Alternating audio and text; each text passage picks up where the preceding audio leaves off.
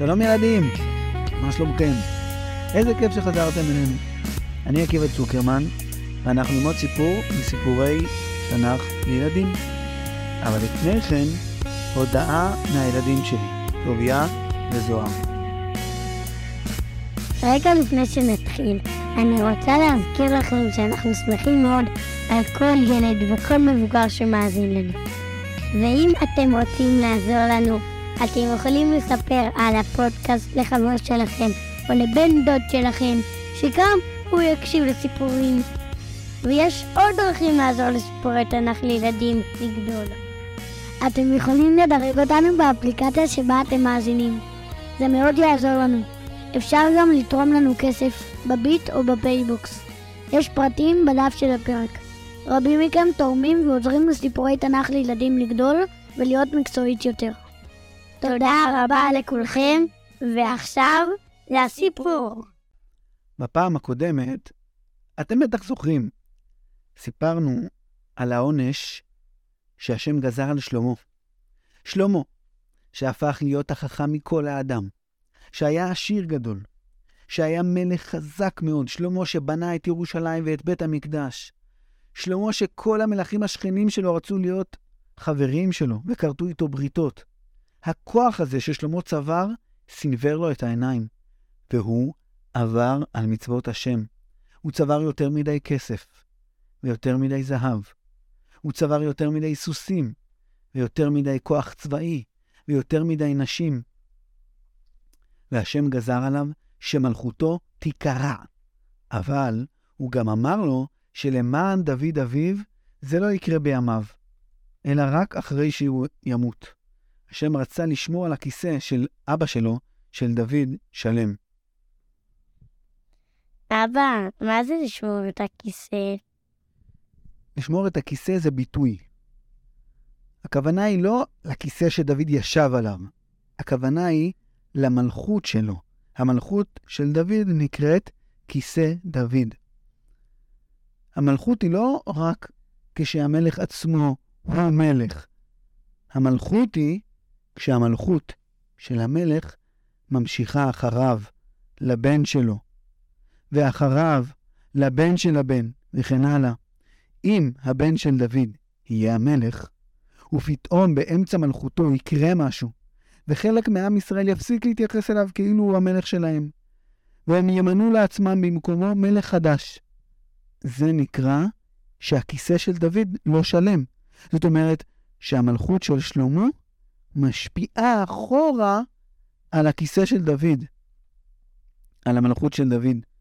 ולכן השם אמר לשלמה שהוא יעניש אותו רק כשהבן שלו, הבן של שלמה, יהיה המלך, ולא כשהוא שלמה עצמו מלך, כדי לא לפגוע בכיסא דוד.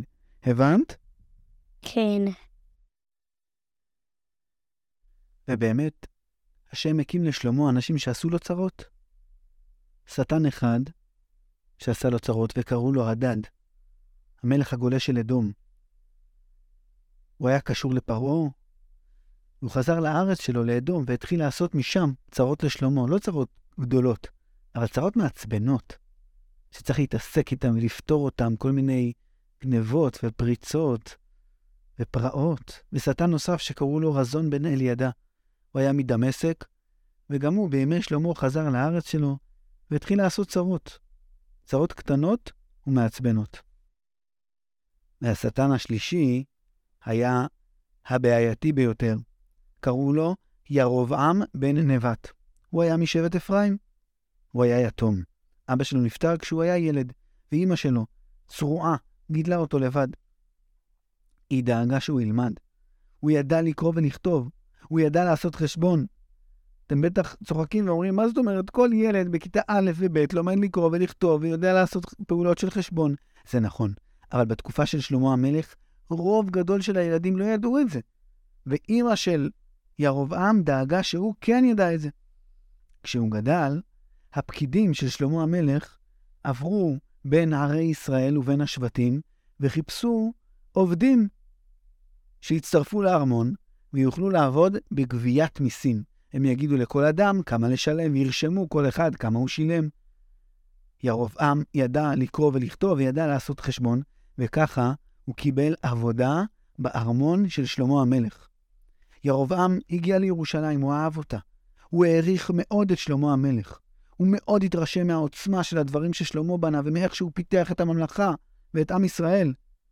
אבל, לאט-לאט, הוא פתאום התחיל לחשוב על זה, שאולי שלמה בעצם לא מלך כזה טוב? זאת אומרת, הוא עושה הרבה מאוד דברים טובים, בטח, בוודאי. אבל הוא גם גרם להמון בעיות. הבניות של שלמה, המקדש והארמון, הפיתוח של ירושלים, כל המפעלים האלה, היה צריך בשבילם הרבה מאוד כסף. ושלמה גבה מיסים כבדים מאוד מעם ישראל, לא רק מהעשירים, גם מאנשים שהיו מאוד עניים, והיה להם קשה מאוד לשלם את המיסים ששלמה גבה. אמרנו פעם קודמת שאחד הדברים שהיו הכי קשים לירובעם, הכי הכעיסו אותו, הייתה בניית המילו. אבא, מה זה המילו? מה, אתם לא מכירים את המילה הזאת? אתם לא מבינים עברית? סתם. האמת היא שגם המפרשים של ספר מלכים לא בטוחים עד הסוף מה הפירוש של המילה הזאת. ואני אגיד לכם את האמת, יש לא מעט מילים בתורה, ובתנ"ך, בנביאים גם, בכתובים, שהמפרשים לא תמיד מבינים אותן עד הסוף. גם החוקרים באוניברסיטאות של ההיסטוריה והארכיאולוגיה ושל התנ"ך לא בטוחים עד הסוף מה היה המילו. כנראה שהמילה הזו קשורה למילה אחרת בעברית, שאותה אנחנו כן מכירים וכן מבינים. מילוי. את המילה מילוי אתם מכירים? כן. וכנראה שהמילו היה משהו ששלמה מילא אותו. במה הוא מילא אותו? במה שממלאים מבנים באבנים ועפר בשביל לחזק אותו. זה היה או ואדי, נחל, לא נחל עם מים, נחל של אדמה, ערוץ, שמפריד בין עיר דוד לבין הר הבית, ששלמה מילא אותו כדי שיהיה רצף בין עיר דוד לבין הר הבית. או שזה היה איזשהו פתח בחומת ירושלים ששלמה סגר, או איזושהי מצודה גדולה ששלמה מילא אותה באבנים ועפר וחיזק אותה מאוד מאוד מאוד. לפי הסיפור, כנראה שהמילו הזה ששלמה בנה, סימל בצורה מאוד משמעותית את העוצמה של הבנייה של שלמה. אותה עוצמה שבשבילה הוא גבה המון מיסים שהכבידו מאוד על עם ישראל. המפרשים מצאו רמזים לעוד משהו שהיה בעייתי מאוד במילו. כנראה שהמילו חיבר בין כל הקמפוס של המבנים הגדולים של שלמה, הארמון ובית המקדש והחומות החדשות, לבין האגף המיוחד ששלמה בנה לבת פרעה. חכמים אומרים שכל עולי הרגלים היו צריכים לשלם מס מיוחד כשהם רצו לעלות לרגל ולעבור את המילו בדרך לבית המקדש. והמס שהם של... שילמו בתחנה הזאת הגיע לא לארמון המלוכה, לא בשביל בית המקדש, לא בשביל הצבא, אלא את הכסף הזה לקחו לבת פרעה. ירבעם כעס מאוד על המילו. מה הוא רצה להגיד לשלמה? עם ישראל היה צריך לשלם כל כך הרבה, כל כך הכבדת עליהם בשביל לבנות את בית המקדש ובשביל הארמון. והם גם היו מסכימים לדברים האלה. אבל בשביל בת פרעה? שלמה? התבלבלת. אם אתה משתמש בכסף שלנו, של עם ישראל, בשביל הצרכים האישיים שלך, בשביל לרצות ולשמח את בת פרעה, אז אנחנו כבר לא מוכנים ולא שמחים לשלם אותם. זה מכעיס. אלה היו שאלות של טוביה וזוהר ששיתפנו אותם בפרק הזה. אני רוצה להגיד לכם, ילדים, שגם אתם מוזמנים לשלוח עליי שאלות בהודעה או בהקלטה קולית, ואני אשלב אותם בסיפורים שלנו. ירובעם היה עכשיו איש עשיר. הוא היה אחראי על גביית המיסים מכל שבט אפרים. אבל הוא זכר את הקשיים של אמא שלו, צרועה, כשהוא היה ילד, והוא ראה את כל האנשים ששלמה לקח להם את הבתים ואת הכסף ואת בני המשפחה בשביל לבנות את ירושלים, והוא כעס. ירובעם לא רק כעס בתוך הלב פנימה. ירובעם בא לחבר שלו ואמר לו, תגיד, ראית מה שלמה עשה? מה, מה שלמה עשה? הוא מלך מדהים. מה? ראית איך היה קשה להרבה משפחות לשלם מיסים ולמרות זאת שלמה גבה מהם? בסדר, הוא בנה בשביל זה את בית המקדש, זה מה שהחבר אמר לירובעם. אז ירובעם ענה לו, אם זה היה רק בשביל בית המקדש, הייתי מקבל את זה. אבל זה גם בשביל המילו, ובשביל בת פרעה. אחרי זה הוא הלך לעוד חבר, ואמר לו דברים דומים. ועוד חבר, ירובעם התחיל לדבר עם עוד ועוד אנשים בירושלים ובעוד מקומות. וואו, צריך בשביל זה אומץ. זה מסוכן. מסוכן?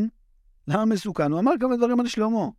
אהה, תתארו לכם שמישהו, נגיד, נניח, שהוא לא כל כך אוהב את ירובעם, והוא רוצה להתחבב על שלמה המלך. אז הוא יבוא לשלמה ויגיד לו, אדוני המלך שלמה, אתה יודע מה ירובעם אומר עליך? לשלמה יש צבא, יש כלי נשק, הוא שופט, הוא מלך, הוא מפקד. הוא יכול לשים את ירובעם בבית הכלא. אם הוא מורד בו, הוא יכול להרוג אותו. ולכן בשביל להגיד דברים כמו שירובעם אמר, צריך ממש הרבה אומץ. אבל ירובעם כעס מאוד, ולא היה אכפת לו. והוא המשיך לדבר ולדבר ולהגיד את הדברים האלה שוב ושוב לעוד ועוד אנשים. הוא אמר את זה גם לאנשים חשובים, הוא אמר את זה גם לעובדים בכירים בארמון של שלמה המלך, לחיילים וקצינים ומפקדים. יום אחד, ירובעם הלך בשוק של ירושלים, נכנס לדוכן שמכרו בו שמלות, וקנה לעצמו שמלה חדשה. לעצמו, לא לאשתו. ירובעם היה הבן, אני יודע, אבל בתקופת שלמה המלך, גם בנים לבשו שמלות. לא היו מכנסיים וחולצות. השמלות שלהם לא היו נראות כמו שמלות שלובשות היום נשים. הן היו נראות, אם אתם מכירים, קצת כמו שמלות שלובשים נסיכים ערביים. למשל, נסיכים מערב הסעודית או איחוד האמירויות, אם יצא לכם לראות. או אולי בגד שהוא קצת כמו הבגד של הראשון לציון, של הרב הראשי הספרדי. אתם מכירים שמלות כאלה שהם של גברים? ירובעם קנה לעצמו שמלה חדשה, והיה מבסוט, מבסוט, מבסוט. הוא היה עשיר. הייתה לו שמלה חדשה. אתם יודעים כמה כיף זה לקנות שמלה חדשה? אתם יודעים שבתקופה של ירובעם, לכל אדם היה רק בגד אחד. אולי שני בגדים, לא יותר. בגדים היו מאוד מאוד יקרים. אפילו לאנשים עשירים לא היה כסף לקנות עשרה בגדים, עשרים בגדים. וירובעם העשיר שמח מאוד. השמלה שלו הייתה יפה, מכובדת, יוקרתית, והוא הלך בדרך. הוא יצא מירושלים, הייתה לו איזושהי שליחות, הלך לאיתו, מבסוט, שמח וטוב לב. פתאום ניגש אליו איש אחד, הוא בקושי אמר לו שלום, ירובעם לא שם לב אפילו אם הוא אמר לו שלום, והוא פשוט תפס את השמלה של ירובעם בכל הכוח. משך אותה בשתי ידיים, חזק חזק, וקרא לירובעם את השמלה, החדשה. ירובעם היה איש חזק וחשוב, אבל מרוב שהוא היה בהלם, הוא לא הצליח להגיד מילה, הוא פשוט... הוא, הוא, אם, אם הוא היה מצליח להגיד, הוא היה אומר לו, היי, מה אתה עושה? הוא היה דוחף אותו. אבל הוא פשוט לא אמר כלום. ואחרי שהאיש קרא לו את השמלה פעם אחת, הוא שוב תפס אותה, וקרא עוד חתיכה, ועוד חתיכה. ולאט לאט ירובעם הופך להיות בלי, בלי בגד, בלי שמלה. תחתונים וגופייה. מאמצע הרחוב, בדרך ראשית. ויש איזה נעמד והוא זקוף, הוא מסתכל, נועץ בירובעם את המבט שלו, וירובעם מסתכל בו מפוחד. מה זה? נראה שעובר עליו משהו. ופתאום האיש הזה מחזיק את כל הקרעים של השמלה בידיים שלו, מחבק אותם, ונותן לירובעם אחד הקרעים של השמלה. אחד, אז הוא נותן עוד אחד. שתיים, ועוד אחד. שלוש, ארבע, וירובעם פשוט מבולבל, הוא לא, הוא, הוא, לא, הוא לא מבין מה קורה. הוא מחזיק ביד שלו, חמש, שש, הוא מסתכל על עצמו, רואה את עצמו לתחתונים וגופייה, שבע, שמונה, תשע, עשר. ביד של האיש יש עוד קרע אחד. בעצם ירובעם שם לב שזה שני קרעים, לא קרע אחד. ואז האיש הזה מתחיל לדבר. כה אמר השם אלוקי ישראל. הנני קורע את הממלכה מיד שלמה. נתתי לך את עשרה השבטים. והשבט האחד יהיה לו לשלמה, למען עבדי דוד, ולמען ירושלים, העיר אשר בחרתי בה מכל שבטי ישראל. ככה הוא אמר לשלמה, לירבעם. והוא המשיך ואמר, אני קורע את הממלכה לשלמה. בגלל ששלמה הביא עבודה זרה לירושלים. ולא הלך בדרך של אבא שלו, של דוד, אבל אני אשאיר לשלמה שבט אחד. לא בגלל ששלמה צדיק, בגלל שאבא שלו היה צדיק. ואני נשבעתי לאבא שלו שהכיסא שלו ימשיך להתקיים. אז אני גם אשאיר לבן של שלמה שבט אחד, ואני גם לא אקרא את הממלכה בימי שלמה, אלא רק אחרי שהוא ימות. אני אקח את הממלכה מיד הבן של שלמה. ואני אתן אותך, ככה אמר השם, אמר האיש לירובעם, אני אתן אותה לך, ירובעם. ירובעם בלע את הרוק שלו, הפה שלו היה יבש, הוא הרגיש נורא מוזר, אבל לאט לאט הוא התעשת והוא הבין מה קורה פה. נכון, נקרא לו שמלה חדשה, נכון, קורה לו משהו מאוד מוזר, אבל זה נביא. והנביא אומר לו דברים טובים.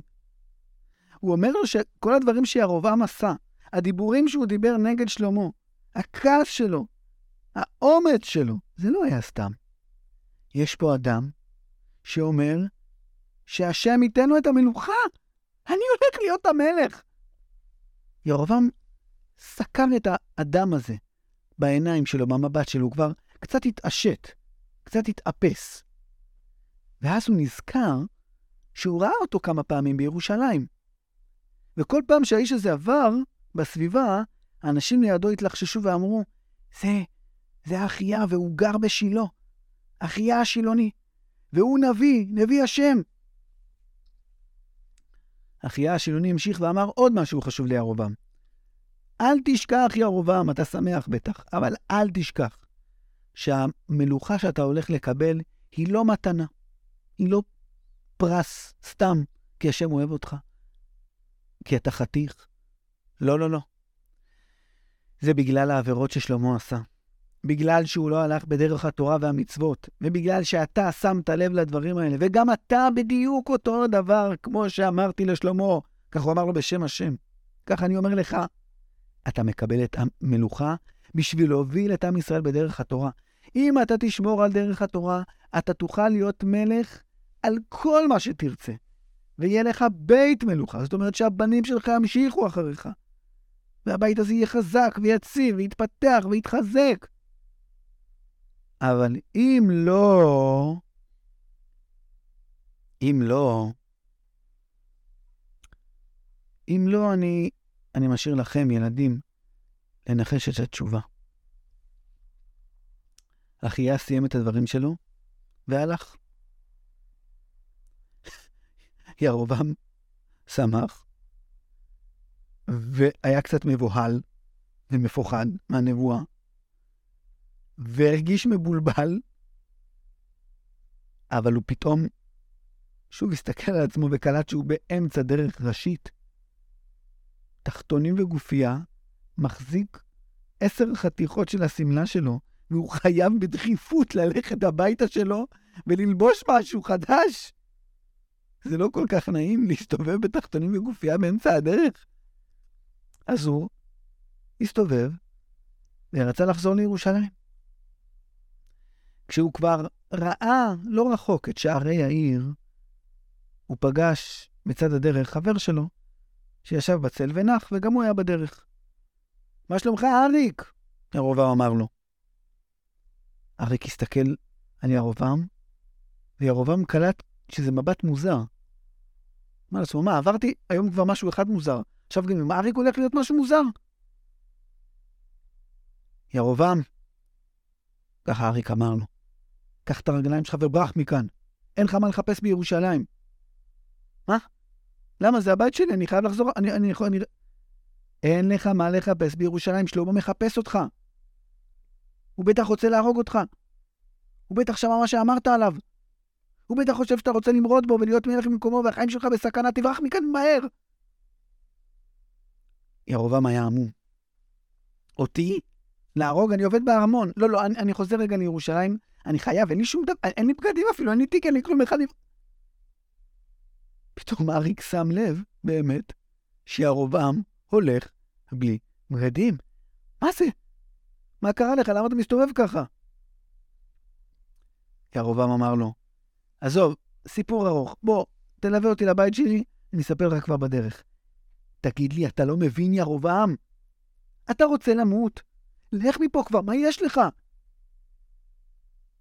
ירובעם לא ידע מה לענות לו. מה, לאן אני אלך? ירובעם לא ידע מה לעשות. הוא היה כבר מבולבל לגמרי. הוא היה בלי כלום. אפילו בלי בגדים. בראש שלו הוא כבר התחיל לחשוב איך זה יקרה שהוא יהיה מלך, מתי זה יקרה? הוא כבר התרגש ודמיין את עצמו, איך הוא נואם מול כל העם. במחשבות שלו הייתה נבואה שהוא שמע מאחיה השילוני. הוא מדמיין אותו, הוא סוחר, זה, זה נמצא לו... איך אחיה קורע לו את השמלה והוא לא מבין מה קורה. ועכשיו נוחתת עליו בשורה ששלמה רוצה להרוג אותו? מה עושים? לאן הולכים?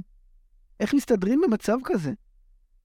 מה, השם הבטיח לי שאני אהיה מלך, זה לא אמור להיות פשוט? מה אתם חושבים שירובעם יעשה? הוא יחזור לירושלים? הוא יברח? איך הוא יסתדר? לאן הוא ילך? אנחנו נספר על זה בעזרת השם בפעם הבאה של סיפורי תנ"ך לילדים. תודה רבה שהאזנתם לנו. להתראות.